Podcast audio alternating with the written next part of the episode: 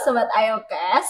Balik lagi dengan aku Almira. Selamat datang di podcast ITATS di Institut Teknologi Aditama Surabaya YouTube channel. Tentunya hari ini kita akan diskusi bareng salah satu jurusan di ITATS dari Teknik Kimia. Eh, di sini ada dosen dari Teknik Kimia, ada Bu Yustia dan ada Bu Dian. Halo Bu Yustia, halo Dian. Sehat Bu?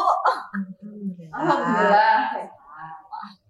Hari ini sudah terisi tenaganya makan atau belum makan Bu? Sudah sudah. cukup terisi. Oke baik. Karena saya masih rasa lapar. Oke baik. Ah, hari ini tuh kita sebenarnya bahasnya itu tentang potensi biomasa sebagai renewable energy untuk masa depan gitu kan. Mungkin apa ya? Wah, lebih ter kayak harus planning banget gitu kan, Bu. Soalnya kan untuk masa depan berarti kan kayak planningnya mulai dari sekarang gitu. Mungkin dari sekarang kan mulai muncul inovasi-inovasi baru mengenai teknologi apalagi di bidang kimia. Nah, salah satunya kan biomasa ini gitu kan, Bu ya. Sebenarnya biomasa itu apa sih, Bu? Gitu dari tadi saya bahas biomasa, padahal saya nggak tahu biomasa itu sebenarnya apa. Mungkin bisa Monggo, dijelaskan. Bu, monggo Bu Yus atau Bu Dian, silahkan. Ya, eh, biomas itu adalah misalnya sebutan untuk senyawa organik gitu ya yang dihasilkan dari suatu eh, proses fotosintesis. Nah, biomas sendiri itu bisa dikelompokkan eh, beberapa kategori gitu ya, baik itu limbah maupun non limbah. Eh, dari biasanya memang dari tanaman, kemudian atau produk eh, produk-produk yang mengandung selulus gitu ya, atau eh, biomas secara sekunder. Nah, kalau limbah sendiri bisa dari limbah eh, limbah pertanian gitu, kemudian eh, limbah pertanian itu macam-macam. Ada yang sekam padi, ada yang dari eh, misalnya biji-bijian, kulit dan segala macam yang bisa menghasilkan eh, energi sehingga bisa digunakan sebagai bahan baku sumber energi gitu. Itu namanya energi terbarukan. Sebenarnya energi terbarukan itu eh, sumbernya macam-macam mir. Ada yang dari air, ada yang dari surya, itu macam-macam. Tapi kalau eh, yang kita bahas sekarang ini fokusnya ke eh, limbah pertanian biomas itu. Jadi arahnya nanti ke eh, bahan bakar minyak seperti itu. Ya, Mungkin untuk eh, pengganti BBM ya Bu ya. Jadi pengganti bahan bakar fosil. Ah, pengganti bahan bakar minyak yang berasal dari fosil. Hmm. Soalnya selama ini kan memang ya namanya bahan bakar yang dari fosil itu kan tidak bisa diperbarui ya Bu ya. Hmm, betul. Pasti untuk apa ya? Ya yang kita pakai sekarang ini misalnya eh, yang dari produksi apa namanya Pertamina, nah ah, itu kan sudah ya masih masih sebagian besar masih pakai fosil. Cuman kalau biosolar, biosolar Bio. itu sudah eh, sudah combine dengan eh, kalau sekarang kalau sumbernya sih dari sawit ya. Oh, itu. Hayatinya berarti dari sawit. Ya, dari sawit, sawit itu. yang menghasilkan minyak sawit Iya. ya. Yang ya sumber Mungkin sekarang B berapa ya? B 20 30 mungkin. Nah, artinya 30 atau 20 persennya si eh, apa namanya? dari tanaman Iya, bionya, heeh, dan selebihnya dia dari fosil, bahan baku fosil seperti itu. Dia masih combine. masih combine. Tapi setidaknya kan sudah mulai ada inovasi mengurangi. Iya, benar. Iya. apa Hmm, fosil betul. fosilnya. Sekarang banyak kok eh, industri-industri eh, yang apa namanya sudah menghasilkan, terutama industri minyak ya, minyak goreng ya, yang sudah menghasilkan atau juga memproduksi biodiesel itu banyak sekali. Terutama di area Pulau Jawa itu banyak sekali. Yang kedua Jawa, Bali. Jadi, selain dia bikin minyak goreng, dia juga Ya, limbahnya. Ya, karena minyak goreng itu kan kita ambil dari eh, apa namanya sisi lainnya dan sisi yang sudah nggak eh, intinya Ada yang by- ada by- produknya ada- itu kita pakai dipakai untuk biodiesel. macam atau ragamnya untuk renewable energy itu banyak gitu kan. Hmm. Sebenarnya sumbernya bukan hanya dari biomasa, cuma yang sekarang mungkin sedang digelakkan itu yang dari biomasa mungkin ya Bu ya. Untuk saat ini Ya fokus eh, artinya bisa salah satu fokusnya ada ke sana. ke biomasa. Karena kan eh penggunaan paling banyak dari eh, apa namanya bio apa energi, Energi, itu ya. kan transportasi dan Ya, industri, betul, betul. transportasi dan industri. Nah, pasti butuhnya BBM kan, BBM. yang minyak dan bentuknya liquid kayak gitu. Iya. Kalau gas eh, apa namanya masih gas itu masih jarang. Terus masih jarang itu tuh. Tapi sudah ada yang ke arah ke sana Ya. untuk mengganti LPG. Begitu juga dengan eh, lagi booming sekarang batu bara. Batu bara ya. Nah, itu juga sudah ke sana. Dan Iya, sudah betul. mulai digeser untuk ke arah energi yang terbarukan. Dalam penerapannya sendiri itu selama ini kan tadi udah di bio solar itu tadi. Tapi kan nanti pada akhirnya gitu kan ada apa ya kompetisi antara dari yang nabati maksudnya untuk pangan dan untuk yang sumber daya ini tadi energi ini tadi itu kayak gimana bukan nanti pada akhirnya ya sebagai tantangan dari perkembangan teknologi gitu kan bu Nah Ya. itu gimana sih Bu caranya untuk mungkin ada plan tersendiri gitu dari para ahli. gitu. Itu tadi kan sebenarnya biomasa sendiri itu bisa uh, biofuel itu bisa di apa namanya bisa diproduksi menggunakan bahan uh, dari biomasa. Tetapi Ya. kita bisa memilih biomasa itu yang bukan uh, bahan yang fresh. Contohnya bukan yang kayak tadi dari sawit. Iya sawit. Kita bisa menggunakannya dari uh, byproductnya pembuatan minyak goreng. Itu masih Ya. bisa kan. Terus habis itu bisa juga menggunakan uh, limbah-limbah pertanian seperti jerami. Nah, jerami kan padi Oh, ketika iya, betul, sudah diambil padinya, dikeringkan jeraminya biasanya cuma digunakan sebagai apa? Pakan ternak Pakan aja ternak, kan. Iya. Sehingga itu masih bisa diolah untuk uh, bahan baku untuk jadi biofuel. Sekam padi itu juga banyak. Atau bisa memilih yang non pangan kayak biji jarak, Jarak. terus Oh, kayak gitu. kapuk ya, biji Oh, kapuk. kapuk, Biji kapuk itu juga bisa ya? Oh. Jadi memang eh, untuk generasi dari bahan baku ini kan ada beberapa Iya. generasi. Yang pertama adalah generasi pertama itu adalah eh, segala sumber bahan baku yang eh, pangan, gitu Iya kan. betul. Yang kedua generasi kedua non pangan, gitu kan. Kemudian yang ketiga ini baru generasi yang baru adalah generasi alga. Alga. Nah, sekarang sedang digalakkan ini generasi alga.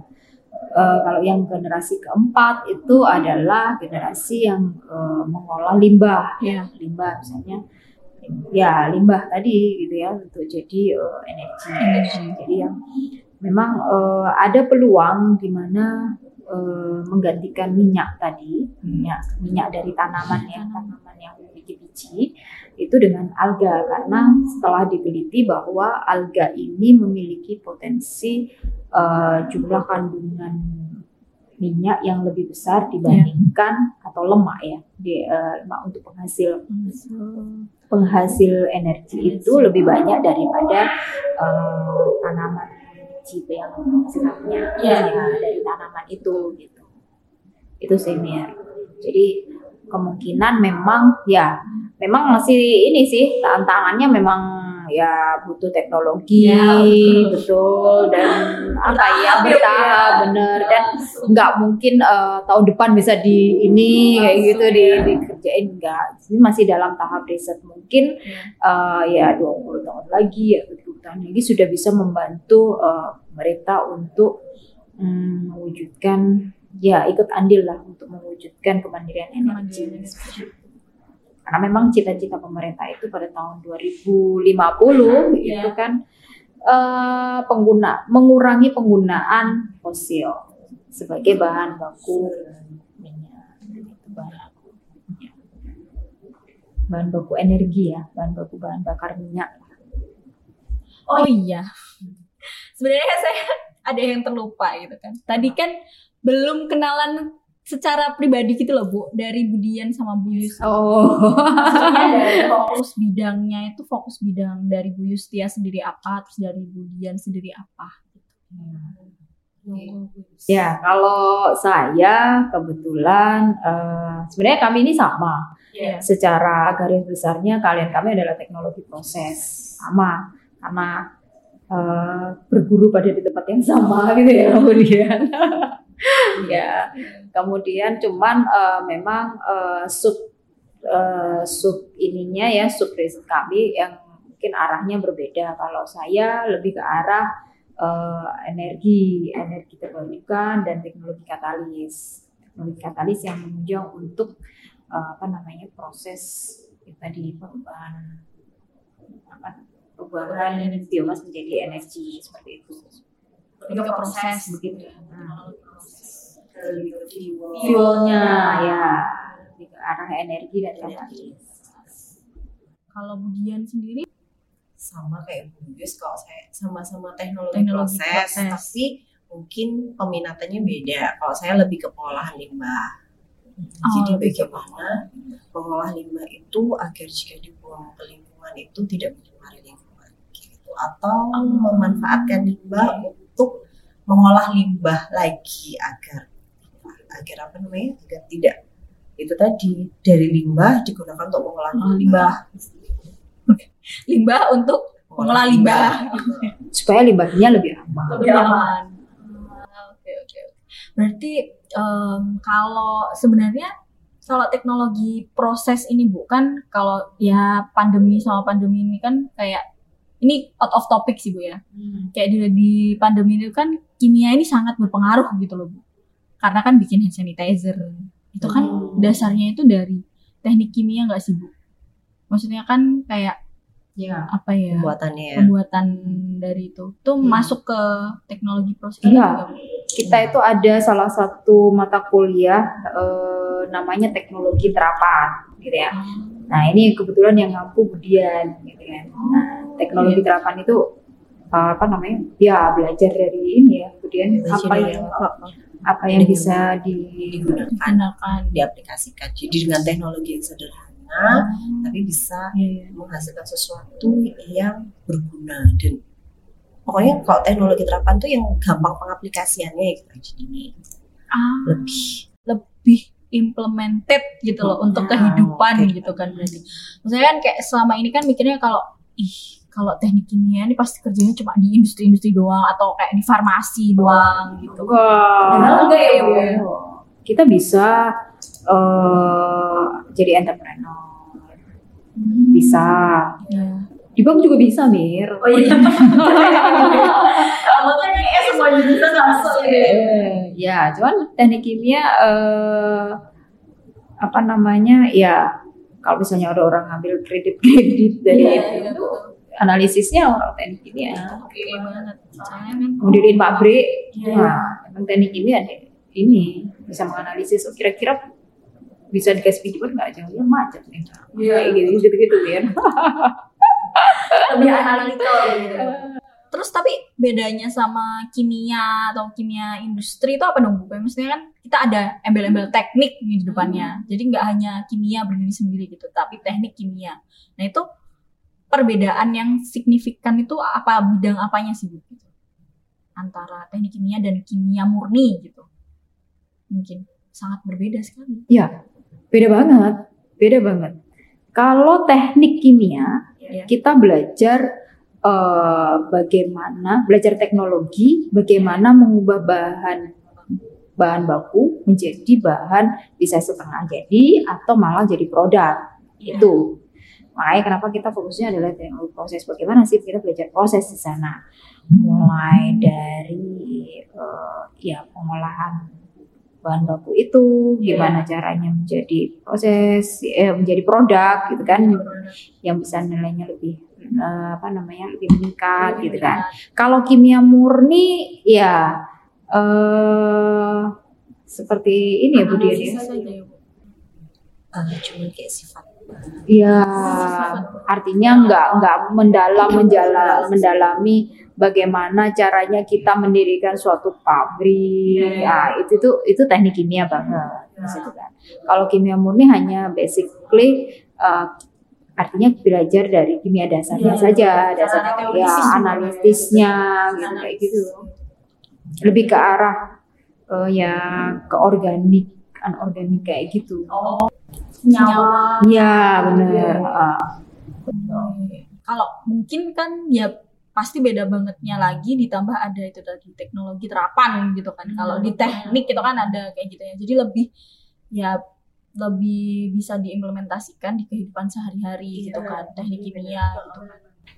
Jadi jangan diharap, eh jangan dibayangkan kalau uh, kan biasanya kimia itu adalah momok di pelajaran di SMA, maupun Iya SMK. betul betul.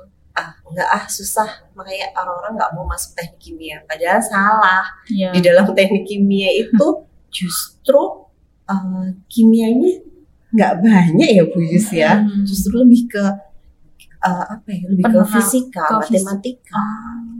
Jadi lebih ke arah penerapan bagaimana ya tadi kita bisa jadi kuliah sambil kerja, sambil usaha itu bisa banget gitu. loh.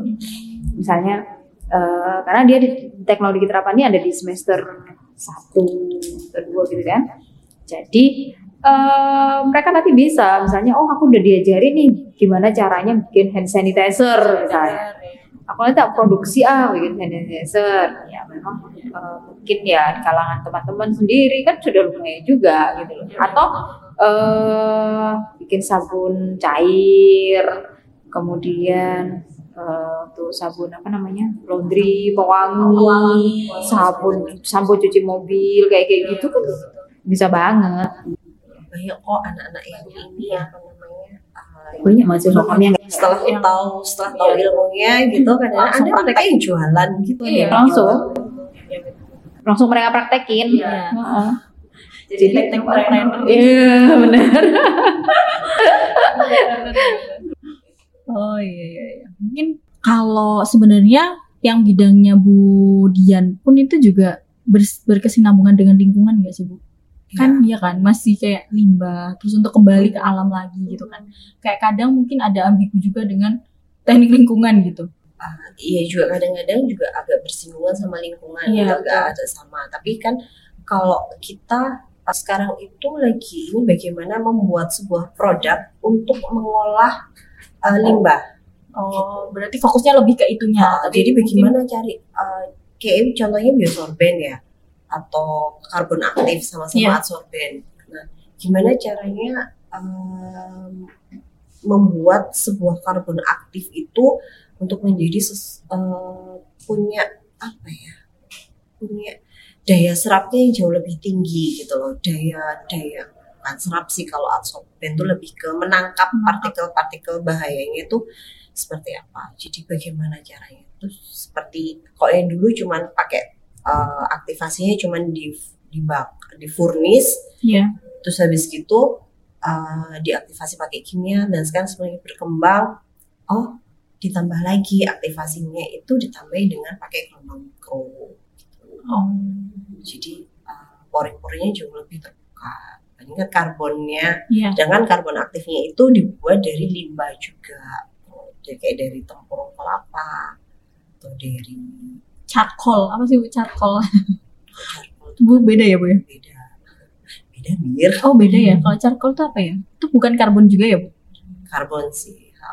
Tapi mungkin penerapannya kalau beda. karbon itu tidak diaktifkan Oh. tapi kalau karbon aktif itu diaktifkan memang fungsinya untuk diaktifkan gitu.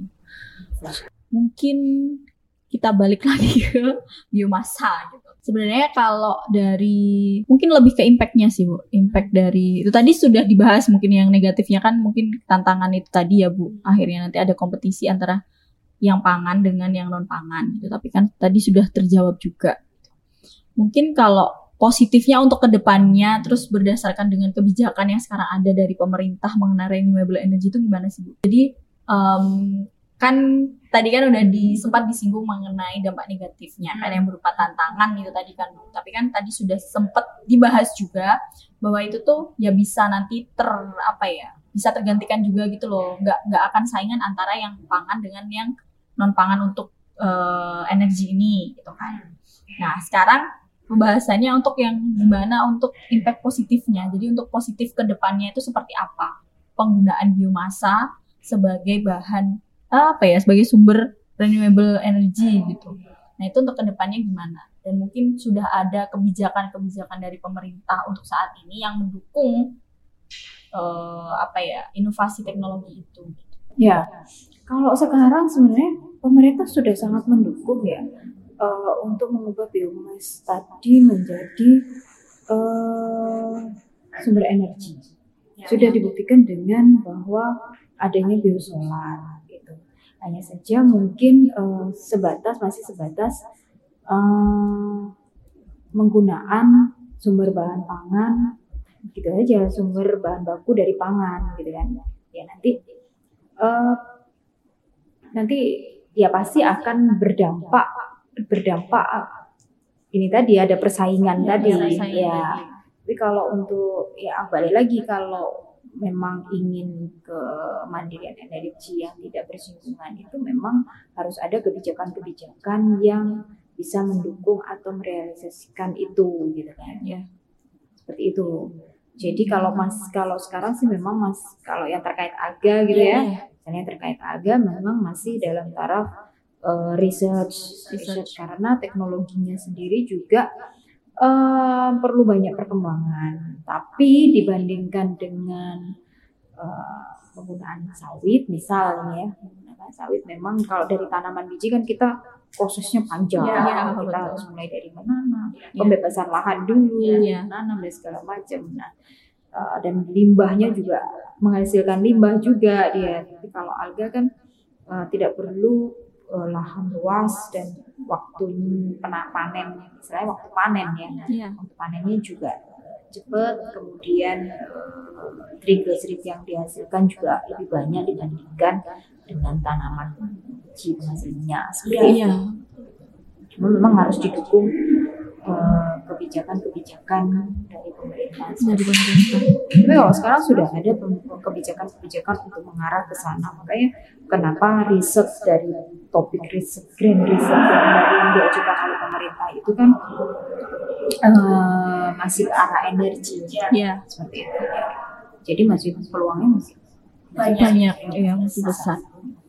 ya betul betul. Ya tentunya semakin banyak peluang gitu prospek kerja untuk lulusan teknik kimia juga semakin luas gitu bu apalagi pasti semakin pasti apalagi sekarang itu teknologi. kan eh, banyak pabrik yang penghasil minyak goreng gitu ya Iya. artinya bahan bakunya minyak gitu dia eh, ada produk sampingnya yaitu penghasil biodiesel juga dia buat plant biodiesel juga produksi Iya. biodiesel juga banyak sekali pabrik seperti itu di Gresik di banyak banget Wow, ya deket dengan Surabaya apalagi ya bu Mhm. jadi kan kayaknya rata-rata kalau eh, teman-teman mahasiswa dari teknik kimia nih gitu kan rata-rata kalau udah magang gitu akhirnya mereka malah ter, ter apa ya kayak terekrut di sana Iya gitu. banyak banget, Heeh, benar benar benar. Iya, kayak gitu. Mm-mm. Soalnya ya memang Saya KP di mana gitu, terus cocok, akhirnya mereka heeh, Oh, lanjut ya. kerja di sana.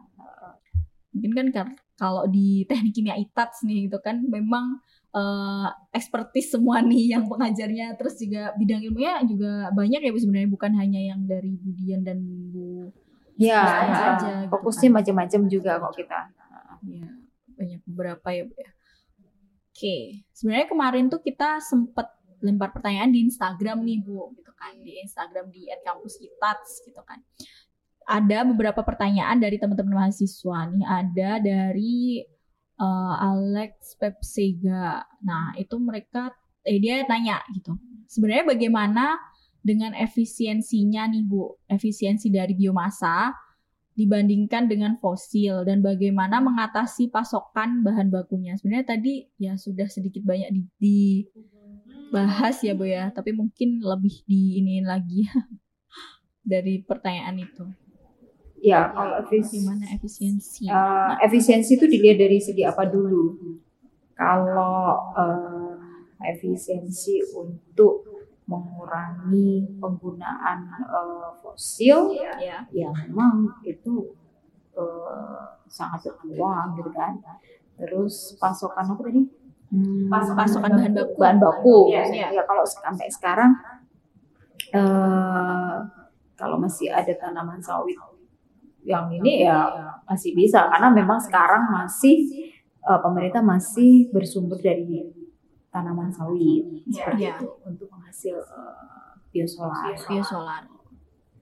Mungkin ya bisa beralih ke yang tadi ya, Ya, biosolar, kalau-. Ya nantinya gitu kan ya. nantinya. Diharap Plan- ke depannya. ke depannya. Ya. Renewable energy masa depan. Terus ada lagi pertanyaan dari Slamet tadi Purwanto. Nah, peluang apa yang bisa dapat bisa oh mungkin bisa didapat sebagai lulusan teknik kimia yang ingin menjadi wirausahawan gitu. Tadi kayaknya seperti bahas Jadi ada teknopreneur. Hmm, teknopreneur. Itu malah kita dari an- eh, semester 1 ya Bu ya.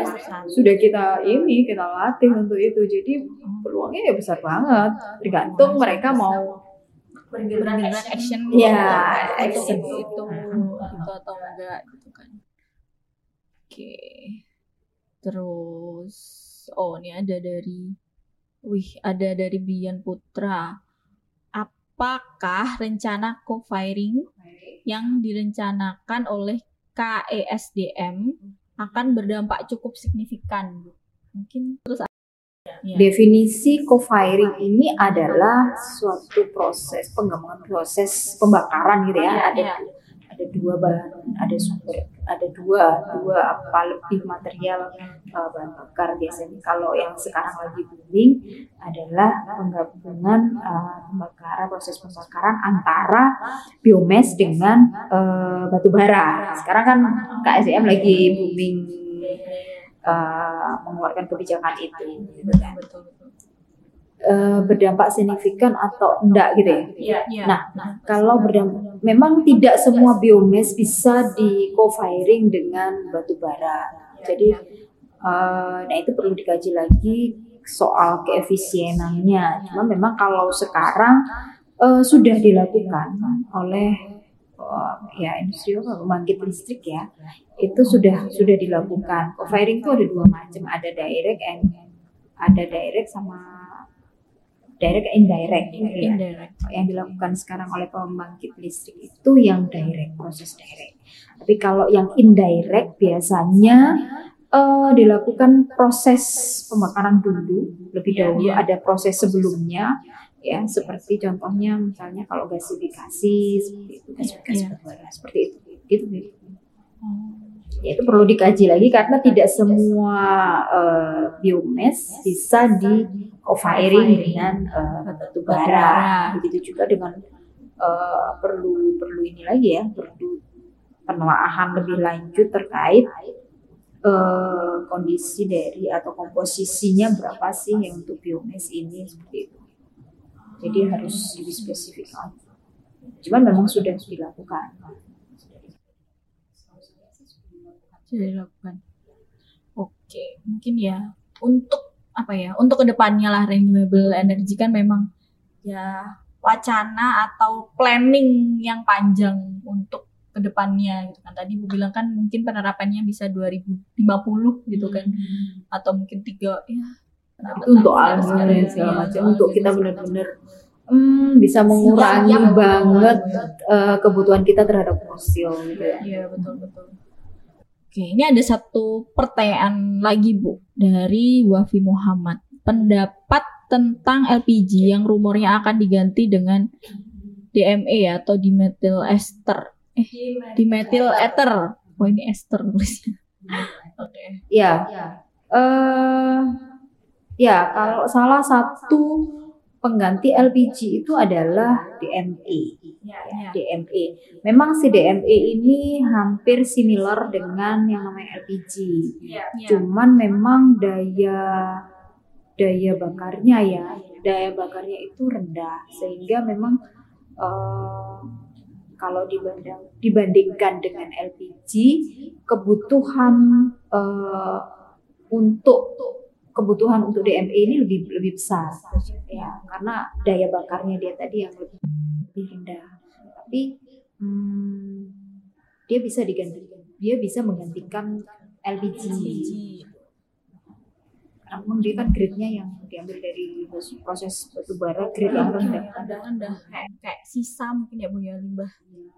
Batu bara itu ada grade-grade-nya Oh, kan. itu. ada, jadi ada kelas-kelasnya itu diambil yang grade-nya grade paling paling rendah soalnya kan biasanya kalau yang grade rendah itu biasanya tidak tidak Tidak industri jarang untuk pakai iya jadi akhirnya ya betul Iya buat apa? Akhirnya dibuat DME itu tadi. Cuman ya memang kebutuhannya kalau dibandingkan sama LPG karena daya bakarnya rendah ya, ya kebutuhannya memang lebih besar. iya beda heating value. Heating dan value. teknik Hmm, betul. apa bu Heating value. oh heating. Jadi setiap bahan itu ada heating value-nya. Iya iya betul. Kayak biogasnya berapa batu bara berapa. Oh, Jadi nilai bakarnya ini ya. iya iya. Jadi kayak ibarat kata kalau uh, memanaskan uh, air ya kalau pakai LPG itu cuma Hmm. memakan waktu 5 menit ya Tapi Iya. kalau pakai DME itu jauh lebih lama lama gitu. waktunya lebih lama. Oke, mungkin ada pertanyaan lain dari oh udah. Oke, berarti kalau untuk apa ya Bu? Eh, ekspektasi ke depannya sih ya tentunya untuk inovasi teknologi yang lebih banyak lagi gitu kan Bu. Ya contohnya kayak tadi mungkin eh, apa ya Bu? Kayak harapan dari ini dari bidang teknik kimia gitu. Mungkin ke pemerintah atau mungkin dari bidang kimia ini untuk masyarakat Indonesia gitu. Kayak maksudnya mungkin kan sekarang itu apa ya edukasi mengenai hal-hal mengenai renewable energy untuk hal-hal yang ramah lingkungan gitu kan. Mulai digalakkan tapi masih kurang gitu mungkin ada harapan tertentu dari Budian dan Bu Yustia untuk perkembangan inovasi teknologi sendiri Ya, eh, kalau harapan harapan ininya sih memang ya sejauh ini pemerintah sudah memfasilitasi eh, apa eh, ke arah lebih baik ya, ke arah yang lebih baik. Artinya terkait energi tadi itu. Jadi sekarang sudah menggunakan eh, beberapa energi yang bersumber dari eh, lingkungan. Artinya kembali ke alam seperti itu ya. Artinya istilah-istilah seperti itu. Sehingga yang ramah lingkungan gitu itu Iya, sudah iya. mulai sudah mulai dicanangkan. Memang eh, memang masih butuh perjuangan untuk ke arah yang mewujudkan mandiri energi tadi gitu ya. ya ke arah sana. Sehingga memang ya harus harus sinergi antara pemerintah dan masyarakat uh, khususnya mungkin dari bidang akademisi juga harus sinergi bahwa un- punya satu visi misi yang sama untuk mewujudkan itu Mulai- mungkin dari uh, pengembangan teknologinya dan itu ya memang harus didukung juga dari pemerintah kalau memang uh, membawa kemanfaatan. Jadi memang perlu perlu edukasi sih, ya edukasi ke masyarakat masyarakat bahwa ya ibaratnya seperti ini. eh, proses pemilahan sampah itu aja. Ya, Misal, ya. misal, misalnya ya itu kan ya butuh butuh perjuangan juga. Ya, ya. Bagaimana memilah sampah yang organik, anorganik, mana sampah yang eh, bisa digunakan untuk kompos gitu kan misalnya sampah plastik seperti itu kan itu juga perjuangan sama lah perlu edukasi dan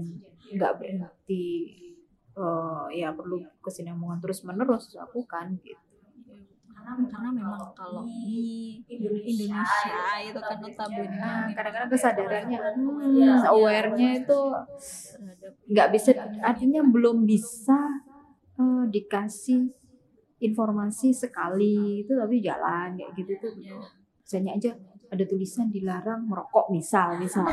Tetap aja dia merokok di sebelah situ kan gitu. Iya. itu hal-hal simpel gitu. Iya betul betul. jangan buang sembar apa jangan buang sampah sembarangan.